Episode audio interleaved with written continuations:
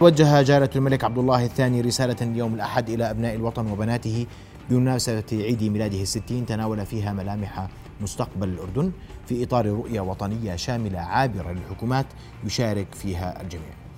نقرأ في هذا المحور الرسالة الملكية مع ضيفي الأستاذ يعرب بضاء الوزير الأسبق. مساء الخير. أهلا بك يا سيدي. وأيضا سينضم إلينا الصحفي سلامة عبد الرعاوي والوزير الأسبق الدكتور إبراهيم سيف. أبدأ معك أستاذ يعرب. رؤيا بودكاست. وسنستعرض أبرز ما جاء في هذه الرسالة. أسمع وجهة نظرك بما ورد في الرسالة بعمومه. ابتداء. سيدي بسم الله الرحمن الرحيم. وبشرفني بداية أني أكون موجود معك أخي محمد. في هذه القناة الوطنية التي نعتز ونفتخر فيها. واسمح لي أيضا أن أنقل تهنئة لسيدي جلاله الملك في عيد ميلاده الستين. حقيقه نشكره على هذه الهدية الثمينة فيها في عيد الميلاد. حقيقة هذه إذا أردنا أن نضعها في قالبها الصحيح هي أبعد من مجرد رسالة وهي رؤية شمولية وخارطة طريق واضحة المعالم لمختلف المحاور الوطنية التي تساهم في تحقيق تنمية اقتصادية مستدامة مع التأكيد ضمن توجيه جلالة الملك أن تنعكس هذه التنمية الاقتصادية المستدامة على المواطن بشكل مباشر. هذا النقطة الأولى. النقطة الثانية هي تشاركية ما بين القطاع العام والقطاع الخاص وذوي الاختصاص. وهنا في غاية الأهمية هي عكس تشاركية حقيقية. في صياغة خطة وليست التشاركية التي اعتاد عليها القطاع الخاص من باب فقط التباحث ولكن القرارات قد تأتي مغايرة تماما. لكن اليوم الجميع سيساهم في إخراج هذه الخارطة وهذه الخطة الشمولية. ثلاثة إخراجها من بيت الأردنيين الديوان الملكي العامة وهذه في قضية في غاية الأهمية. تعكس أن هذه الخارطة وهذا البرنامج التنفيذي سيضمن استمراريته على مدار الحكومات المتعاقبة والقادمة وليس ضمن إطار حكومة واحدة كما اعتدنا صراحة سابقا أنه معظم الحكومات تأتي وتبدأ من جديد. اليوم إخراجها من بيت الأردنيين رسالة واضحة ليس فقط للمجتمع الأردني والمواطنين الأردنيين وإنما قبل ذلك رسالة إلى الحكومات القادمة بأنها سيضمن استمراريتها بالكامل. تأكيد على الجانب التنفيذي في إطار هذه الرؤية. نعم. وهذا أيضا في قضية في غاية الأهمية إنه ليست استراتيجية شمولية ورؤية شمولية باطارها العام فقط. يجب أن تتضمن برنامج تنفيذي بمحاور مختلفة مؤشرات قابلة للقياس والأداء. التأكيد على من جلالة الملك نفسه حقيقه بأنه سيتابع تنفيذ هذه التوصيات. وهذا يعود فينا أيضا إلى عملية الإصلاح السياسي اللي تمت لاحقا عندما ضمن جلالة الملك شخصيا أن يتم تنفيذ مخرجات اللجنة, اللجنة. نعم. وهذا ما تم حقيقة. وهون أيضا سيدنا أيضا مرة أخرى يقول بأنه سيتابع شخصيا تنفيذ هذه هذا البرنامج وهذه التوصيات. شمول القطاع العام أيضا. وهي قضية في غاية الأهمية لأن القطاع العام حقيقة قطاع أفقي وقطاع محوري. ينعكس إيجابا وسلبا على كافة نواحي الحياة في الأردن. وتعود فينا الذاكرة قريبا إنشاء لجنة من رئاسة الوزراء للإصلاح الإداري نعم. والعمل الحكومي. هون سيدنا أراد تضمين مخرجات هذه اللجنة ضمن الخارطة الشمولية والرؤية الشمولية بالكامل. أعتقد بأن المحاور الرئيسية التي تضمنتها هذه الرؤية وهذه الرسالة بقطاعات مختلفة. تعكس حقيقة أن جلالة الملك يرغب ويريد أن تكون بداية المئوية الثانية مغايرة لنهاية المئوية الأولى. وأن نبني عليها حقيقة للمستقبل أكد أيضا جلالة الملك بأهمية انعكاسها على المواطن بمختلف فئاته مع التركيز أيضا على الطبقة الوسطى لأنه حقيقة الطبقة الوسطى هي المحرك الرئيسي للإقتصاد. لاحظنا خلال السنوات الماضية العشر سنوات الماضية أن الطبقة الوسطى بدأت حقيقة بالانحسار بشكل كبير جدا وانعكس بشكل كامل على النمو الاقتصادي. المحور الأخير في هذه الخارطة بأن مخرجات هذا البرنامج التنفيذي ومحاوره المختلفة تنعكس على المواطن الأردني بشكل مباشر وتنعكس فورا على موضوع البطالة والفقر. وهون إذا لاحظت وهلأ راح نتحدث بالتفصيل أكثر. أرجوك إنه هذا موضوع أساسي نعم. راح نتحدث بالتفصيل أكثر. سيدنا في رسالته حدد مجموعة من القطاعات. وإذا بتلاحظ التركيز حقيقة على البعد الاقتصادي ولا محور الاقتصادي بشكل رئيسي في هذه الرسالة. واليوم لما نتحدث عن نمو اقتصادي تخيل الأخي محمد والمشاهد الكريم إذا الأردن استطاع أن يحقق نمو اقتصادي 5% هذا يعني أنه سينتج 70 ألف فرصة عمل سنويا. بينما لدينا أكثر من 150 ألف فرصة عمل تدخل السوق الأردني سنويا. ومع ذلك الأهم من ذلك أنه 70 ألف فرصة عمل أكثر من نصفها تذهب لغير الأردنيين. فاليوم لما استعرض سيدنا مجموعة من القطاعات لما حكى عن التكنولوجيا المتقدمة لما حكى عن السياحة لما حكى عن الصحة لما حكى عن الطاقة المتجددة لما حكى عن الصادرات آه، ضمن منظومة التنمية الاقتصادية المستدامة اليوم عم نتحدث أنه مش فقط هدفنا تحقيق نمو اقتصادي.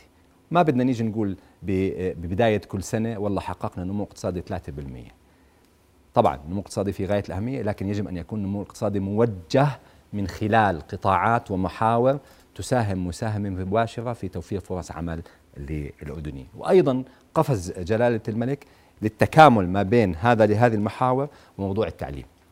اليوم حقيقة قطاع التعليم قطاع أفقي يتداخل مع كافة القطاعات. مخرجات هذا القطاع إذا كانت جيدة جدا تنعكس بشكل مباشر على كافة نواحي الحياة ومحور محاور الحياة في المجتمع الأردني سواء كانت اقتصادية سواء كانت سياسية سواء كانت اجتماعية. أو قطاع عام بنفس الوقت. وهون لابد أيضا من التركيز لأنه سيدنا ما حت ما تحدث عن التعليم الأكاديمي وإنما تحدث عن منظومة التعليم بشكل بشكل كامل. هون نتحدث عن التعليم الأكاديمي ونتحدث عن التعليم المهني أيضا. لما بنحكي إنه بدنا نمو اقتصادي يوفر فرص عمل موجهة نحو الأردنيين ولما بنتحدث إنه 50% من فرص العمل المنتجة من النمو الاقتصادي تذهب لغير الأردنيين هذا يعني إنه لازم نعمل بقطاع التعليم ومواجعه شمولية لقطاع التعليم بمحورين متوازيين. المحور الأول بتحدث عن التعليم الأكاديمي ومخرجاته اللي بتساهم في قطاعات بتشغل أردنيين بشكل رئيسي وبشكل كبير وأيضا تساهم في الارتقاء بأداء القطاع العام بشكل رئيسي وأيضا التعليم والتدريب المهني الذي سيرفد القطاع الخاص الأردني بشكل جميل. رئيسي الأردنيين وما لمسناه أيضا اليوم في الرسالة الأزمة اليوم اقتصادية لأنها لأنه عندنا بطالة بشكل كبير وعندنا فقر نحتاج إلى معالجته اليوم من أين نبدأ؟ لأنه دائما هذا السؤال نطرحه جميعا وين نبدأ؟ كيف نبدأ؟ والمواطن وأنت ذكرتها بصراحة اليوم أنا بدي أوصل لنتيجة حقيقية بمعنى أنا بدي يشعر الأردني إني أنا حققت له فرص عمل ويشعر الأردني إني أنا خففت من الفقر والبطالة في الأردن بعمومها حتى يرتاح المجتمع تمام وين نبدأ شوف اليوم المشكلة إنه ما بتضع خطة أنت استراتيجية سواء كانت متوسطة أو طويلة المدى حقيقة لازم تحقق هدف أهداف رئيسية. بدك إياها من هذه الخطة. وبعدين تبني برنامجك التنفيذي لتحقيق هذه الأهداف الرئيسية. أما إذا أنت بدك تطلع على واقع الحال الموجود عندك وتبني خطة استراتيجية على واقع الحال اللي موجود عندك لن تستطيع أن تحقق هذه الأهداف. لذلك اليوم بدأ سيدنا بشكل واضح بنهضة اقتصادية مستدامة تنعكس على المواطن. نعم. تنعكس على المواطن. اليوم ماذا يريد المواطن الأردني حقيقة؟ بما يتعلق بالشأن الاقتصادي. يريد فرصة عمل كريمة ومستقبل منظور أمامه بأنه سيولد فرص عمل كريمة وحياة كريمة للمواطن آه، الأردني. إذا يجب أن نضع الهدف الرئيسي أمامنا هو إيجاد فرص عمل مناسبة للأردنيين. اليوم بدنا ننزل نزول. من فرص العمل بدنا ننزل نزول. نقول ما هي القطاعات الاقتصادية المختلفة والإجراءات الاقتصادية المختلفة اللي يجب اتخاذها حتى تساهم في تحقيق هذا الهدف؟ حتى إذا بتطلع اليوم بالرسالة حدد سيدنا مجموعة من القطاعات اللي هي اللي تلقائيا تشتغل بمحورين. المحور الأول إنها بتوفر فرص عمل فقط للأردنيين وهلأ بنتحدث بشكل رئيسي. اثنين قطاعات أفقية تدعم باقي القطاعات الاقتصادية الأخرى. يعني لما نتحدث عن القطاع الطبي على سبيل المثال. نعم. اليوم القطاع الطبي نحن نعلم إنه الغالبية الكبرى أكثر من 95% من العاملين بالقطاع الطبي أردنيين. صحيح. وأذكرك أخي محمد إنه آه، قبل الأزمة السورية وتبعاتها وأزمة كورونا وما إلى ذلك كانت صادراتنا من القطاع الطبي تصل أكثر من مليار دينار أردني سنويا. الدخل المتأتي من السياحة العلاجية يتجاوز المليار دينار آه، آه، سنويا. فبالتالي كل ما نهضنا بهذا القطاع شو بنعكس؟ بنعكس على فرص عمل إضافية موجهة للأردنيين بشكل مباشر بنعكس على صادرات خدمات بتولد عملة صعبة آه، بنعكس أيضا على زيادة السياحة للقطاع للأردن وبالتالي بحرك النشاط الاقتصادي بشكل كبير. نطلع على موضوع التكنولوجيا المتقدمة وسيدنا الله يطول عمره دقيق بانتقاء أيضا الكلمات ما قال تكنولوجيا المعلومات قال التكنولوجيا المتقدمة لأنه يريد كافة القطاعات الاقتصادية أن تتوجه نحو التكنولوجيا ما بنحكي عن قطاع ال IT لوحده ما بنحكي عن ال applications ما بنحكي عن البرامج الحاسوبيه وما إلى ذلك فقط نعم. رغم اهميتها الشديدة. م. اليوم عم نتحدث إنه أنا عندي قطاع على سبيل المثال خلينا ناخذ مثال قطاع الصناعة. اليوم أنا عندي قطاع الصناعة اليوم بدي أزيد من القدرة التنافسية لقطاع الصناعة. يجب إدخال مكون تكنولوجي متقدم في قطاع الصناعة حتى يستطيع من زيادة قدرته التنافسية سواء بزيادة الجودة بزيادة طاقة الطاقة الإنتاجية بكلف بتخفيض كلف الإنتاج بشكل مباشر. هاي التكنولوجيا المتقدمة. أيضا قطاع الطاقة المتجددة. قطاع الطاقة المتجددة أنا متيقن تماما ليس المقصود فيه فقط إيجاد مشاريع طاقة متجددة لهدف إيجاد فرص عمل مؤقتة وما إلى ذلك لا هو الهدف الشكل الرئيسي منه هو تحسين آه، بوتقة الطاقة في الأردن بتخفيض كلفها لأنه يجب أن نقر أنه كلف الطاقة اليوم في الأردن مرتفعة جدا نعم. لاحظت أخي محمد على مدار السنوات الأربعة الماضية تقريبا معظم موافقات الطاقة المتجددة مجمدة وموقوفة صحيح. ودائما بنسمع أنه هو أكيد أنه حجم التوليد أعلى بكثير من حجم الطلب. آه، الطلب. وهذا معناته إنه ما بنقدر نولد إضافي. اليوم لازم تفكر جذريا وجديا في إدخال مكون الطاقه المتجدده اللي أصبحت كلفته منخفضة جدا. اليوم في العالم الطاقة الشمسية بتوصل أقل من قرشين الكيلو وات وانت اليوم عم تتحدث انه كلفتك في برنامجك هذيك المرة على نبض البلد هون كانت الكلفه فوق العشر قروش. صحيح. صح؟ فاليوم بدك أيضا تدخل مكون الطاقه المتجدده مش فقط كفرص استثمارية وإنما كقطاع حيوي بينعكس على كافة مناحي الحياة في آه، آه، آه، الأردن. تحدث عن قطاع السياحه قطاع السياحه القطاع الأردني أيضا قطاع خدمات على مدار السنوات بشكل رئيسي وبشكل كبير يعتمد على قطاع الخدمات. والسياحة من أهم القطاعات الفرعية ضمن قطاع الخدمات. اليوم لمسنا بصراحة على مدار السبع سنوات الماضية إنه يجب أن يكون هنالك تغيير جذري في قطاع السياحة الأردني ويجب أن نحدد ماذا نريد من قطاع السياحة الأردني. ليش أخي محمد؟ لأنه اليوم إذا بتطلع على المحيط المحيط في الأردن اليوم العمل العمل على قطاع السياحة في محيط الأردن كبير جدا. كبير جدا. وبالتالي أصبحت المنافسة شرسة جدا جدا. لذلك لابد إنه نحدد. إحنا كأردن اليوم بدنا سياحة آه، آه، كبيرة بكلف قليلة زي بعض زي شرم الشيخ مثلا والغردقة وأنطاليا وما إلى ذلك. ولا بدنا آه، سياحة موجهة كلفتها على الساحة أعلى عددها أقل لكن عائدها أكبر. بدنا نحدد اليوم. ما بنقدر اليوم. عندنا كلف مرتفعة جدا. نقول بدنا نشتغل هيك أو هيك إلا ندرس حقيقة الكلف الموجودة عندنا. يعني أكيد الحكومة أخذت قرارات الحالية بصراحة آه، آه، بتخفيض كلف الكهرباء على القطاعات الإنتاجية بما فيها قطاع السياحة وقطاع الصناعة. لكن أنا أحكي لك إياها بصراحة خفضنا صحيح لكن ما زالت كلفنا أعلى. أعلى من المحيط كله.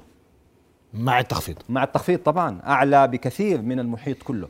فاليوم بدك أيضا تنظر بمنظومة القدرة التنافسية للأردن مش كأردن لوحده ولا داخل الأردن وحده. أيضا بدك تنظر للقدرة التنافسية بالإقليم. وهذا بيقودنا لمحور الاستثمار. لأنه أيضا أجيك على محور الاستثمار. اسمح لي بس اسمح لي أني أرحب بالأستاذ سلام الدرعاوي الصحفي المتخصص. مساء الخير أستاذ سلامة. مساء النور أخي محمد ومساء الخير لمعالي الأخ يعرض الكبار ومساء الخير لأخونا الدكتور معالي الدكتور آه، إبراهيم سيف. أهلا بك أستاذ سلامة. أسمع وجهة نظرك أستاذ سلامة. ال ال ال الرسالة اليوم ركزت بشكل كبير على الجانب الاقتصادي لمعالجة محوري الفقر والبطالة. آه، لا شك بانه الرسالة إذا بدي ألخصها بشكل آه، مختصر عنوانها الرئيسي هو زيادة التنسيق والخروج بتفاهمات ما بين القطاع العام والقطاع الخاص لتحقيق هدف واحد وواضح وهو صريح هدف خلق فرص عمل جديدة، بتعرف إنه كابوس البطالة اليوم هو يشكل خطر حقيقي على الأمن والاستقرار المجتمع وهناك آه، آه، عجز آه، رسمي في القطاع العام في فتح في خلق فرص عمل جديدة والقطاع الخاص أيضا هناك يعاني من تحديات كبيرة في قدرته على خلق فرص عمل جديدة أو حتى الاستدامة لبعض المنشآت أو القطاعات الاقتصادية. هذا الأمر يتطلب اليوم الجلوس بشكل مكثف فيما بين القطاع الخاص والقطاع العام للقطاعات المشغلة والبحث عن آه، تفاصيل التحديات والمعيقات التي تحد من قدرة القطاع الخاص على التشغيل والاستمرار وعلى نهوض الاستثمار. هذه المخرجات التي ستخرج من هذه التفاهمات جلالة الملك هو الضامن الرئيسي لتنفيذها وهنا نعود لنقطة مهمة هي مأسسة العملية آه، التحفيزية أو أو التنفيذيه لمخرجات هذه الورش القادمة إنه اليوم جلالة الملك أدرك تماما إنه أحد العقبات الرئيسية في عملية اتخاذ القرار أو عملية تحسين بيئة الأعمال في المملكة هي عملية غياب الإدارة المؤسسية في التنفيذ. كل حكومة تأتي وتنسف ما قامت به الحكومة التي قبلها، لا نعم. تبني ولا توظف على ما تم إنجازه، وهذا أحد عيوب الإدارة العامة في الحكومات. هنا هنا خرج جلاله الملك بمفهومه أو برسالته بشكل واضح بأن مخرجات هذه الورش أنا ضامن لها وهي سوف تكون عابرة للحكومات، أي بغض النظر من هي الحكومة ومن هي ومن هو مجلس النواب ما عليهم سوى تنفيذ مخرجات هذه الورش، وهذا حقيقة سيساهم بشكل كبير في تجاوز عقبه إحدى العقبات الرئيسية في عملية الإصلاح الإداري. النقطة الثانية نعم. آه، آه، آه، التي تحدث فيها جلالة الملك وكان واضحا فيها وهي غياب أو أو نستطيع أن نصفه بالمسؤول المرتجف أو الأيادي المرتجفة في اتخاذ القرارات في الشأن الاقتصادي. وتحدث جلالة الملك أنه في هناك مسؤولين لا لا يرغبون باتخاذ القرارات وتحصنون وراء البيروقراطية السلبية ويعيقون في اتخاذ القرارات. وقال جلالة الملك برسالة أنه لا يريد هذا الشكل من المسؤولين أن يكون لديه في الإدارة العامة في الأردن. هنا هنا آه، آه، هنا آه، ننطلق إلى المفهوم الثاني وهو مفهوم الإصلاح في الإدارة العامة في الإدارة العامة والذي يعني ما زالت الحكومات حقيقة متقاعسة عن تنفيذه والسير به بخطى جريئة واتخاذ القرارات السليمة في إصلاح القطاع العام. لا يمكن أن يكون هناك تحديث للقطاع الخاص وإصلاح للقطاع الخاص وزيادة في استثماراته وتحسين دون أن يكون الأساس وهو القطاع العام تم معالجه الاختلالات فيه. هناك عقبات كثيرة يعاني منها القطاع الخاص في مسألة الشراكة مع القطاع العام في مسألة تنفيذ في تنفيذ القوانين وروح القوانين في في في مسألة الرقابة في مسألة التعاطي مع نعم. القطاع الخاص والنظرة مع القطاع الخاص النظرة السلبية التي بدأت تتكون في السنوات الأخيرة وهذا أدى إلى حقيقة تكوين صوره صورة سيئة ما بين القطاعين العام والخاص ورغم أن رغم أنها يجب أن تكون بالأساس صورة تشاركية حقيقية ليست شكلية في الحوار لا لكنها في عملية صنع القرار منذ البدايه جميل. منذ بدايته الأولى. نعم. واضح جدا أشكرك كل الشكر أستاذ سلامة الدرعاوي. أرحب أيضا بالوزير الأسبق الدكتور إبراهيم سيف. دكتور إبراهيم مساء الخير. مساء الخير. أهلا وسهلا أخي محمد لك والضيوف. دكتور إبراهيم أسمع وجهة نظرك في موضوع الشراكة ما بين القطاعين العام والخاص البناء ممكن توقفنا عند الاستثمار والاستثمار نقطة أساسية أيضا في جذب مزيد أو خلق فرص عمل حقيقية في الأردن. أخي محمد مساء الخير وأيضا نهنئ جلالة الملك في عيد ميلاده 60 اليوم. واليوم الرسالة بس بسطر واحد. كانت تشخيص للواقع وكانت يعني فيها شيء كثير من الواقعية في أنه إحنا أنجزنا لكن هنا أمامنا تحديات. أنا بدي أتحدث عن الإطار الاقتصادي للرسالة إنه واضح ان نفتقر إلى مسألتين أساسيتين اللي أشار لها أو أشارت لها الرسالة. الأولى إنه لا يوجد إطار متكامل للسياسات اللي بيقوم بالتربيط ما بين كافة الإجراءات الاقتصادية التي نقوم بها أو بين آه، آه، السياسات المختلفة أو التشريعات التي نتبعها، هذا يخلق عندنا حالة من آه، عدم الاتساق في السياسات من جهة اثنين يصبح هناك تشابك و آه، يعني أحيانا آه، اشتباك تشريعي وإحنا من خدم بالحكومة ربما يعرف إنه هناك أحيانا يعني تشريعات تحكم آه، جهة أو قطاع معين تتقاطع مع قطاع معين فيعني هذه تعقد من الإجراءات. المسألة الثانية الأساسية كانت في الإطار العام إننا أيضا نفتقر إلى الاستمرارية في البرامج وهذا يعني حقيقة الأمر إنه إشكال كبير إنه لا يجوز إنه إحنا إذا بدنا نركز على مثلا قطاع الزراعه أو السياحة أو الطاقة ومعالي أبو فلاح ذكر عن قطاع الطاقة تحديدا اللي أنا خبرته إنه أنت تسير في اتجاه معين ثم تقرر في لحظة ما أنه تعكس هذا الاتجاه وأن تعود تحاول العودة إلى الوراء بعد ما كان كل الأمور أنجزت تشريعيا واستثماريا في السير إلى الأمام، هذا يرسل رسالة إلى المستثمرين سواء محليا أو خارجيا عن إنه ما في عندنا وضوح في الرؤية، يعني إحنا الذي نفتقره هو هذا الإطار اللي تحدث عنه رؤية متوسطة بعيدة المدى اللي تحكم سياساتنا وتضبط البوصله الإيقاع كيف آه، ننظم هذه السياسات، كيف آه، آه، نقوم بإحداث أو الممكنات أو تمكين الأطراف والفاعلين الاقتصاديين من الاستمرار في تنفيذ سياساتهم استثماراتهم حتى نتمكن من تحقيق الأهداف المرجوة، أما مراجعة الأهداف بشكل مستمر، أما التضارب والتشابك التشريعي، أما عدم وضوح الرؤية وعدم وجود فريق متناغم، كلها تؤدي وإن كانت النوايا حسنة إلى إلى سوء في التنفيذ وإلى تراجع في في بعض الأحيان وإلى ضبابية، إحنا نفتقر الآن وهذه الضبابية أيضا تنعكس أخي محمد على موضوع الثقة ما بين سواء المستثمر أو المواطن أو المؤسسات الدستورية سواء كانت حكومة أو برلمان أو غيره لأنه مش عارفين الاتجاه اللي إحنا ماشيين فيه والكل يدعي إنه هو يمتلك الحقيقة ويريد أن يسير فيها. اليوم كان هناك تشخيص واضح ان الاستمرارية أمر لم يعد خيار لرئيس وزراء أو وزراء بل الاستمرارية هي هي قدر يجب أن نسير فيه وهي هناك رؤية واضحة وضوء في نهاية الطريق يجب أن نعمل جميعا للوصول إليه، لكن هذا يقتضي أيضا تحضير جيد ودراسة واقعية بمشاركة واسعة للقطاعات الاقتصادية المختلفة لتشخيص ما هي أيضا أبرز الأولويات التي يجب التركيز عليها. نعم.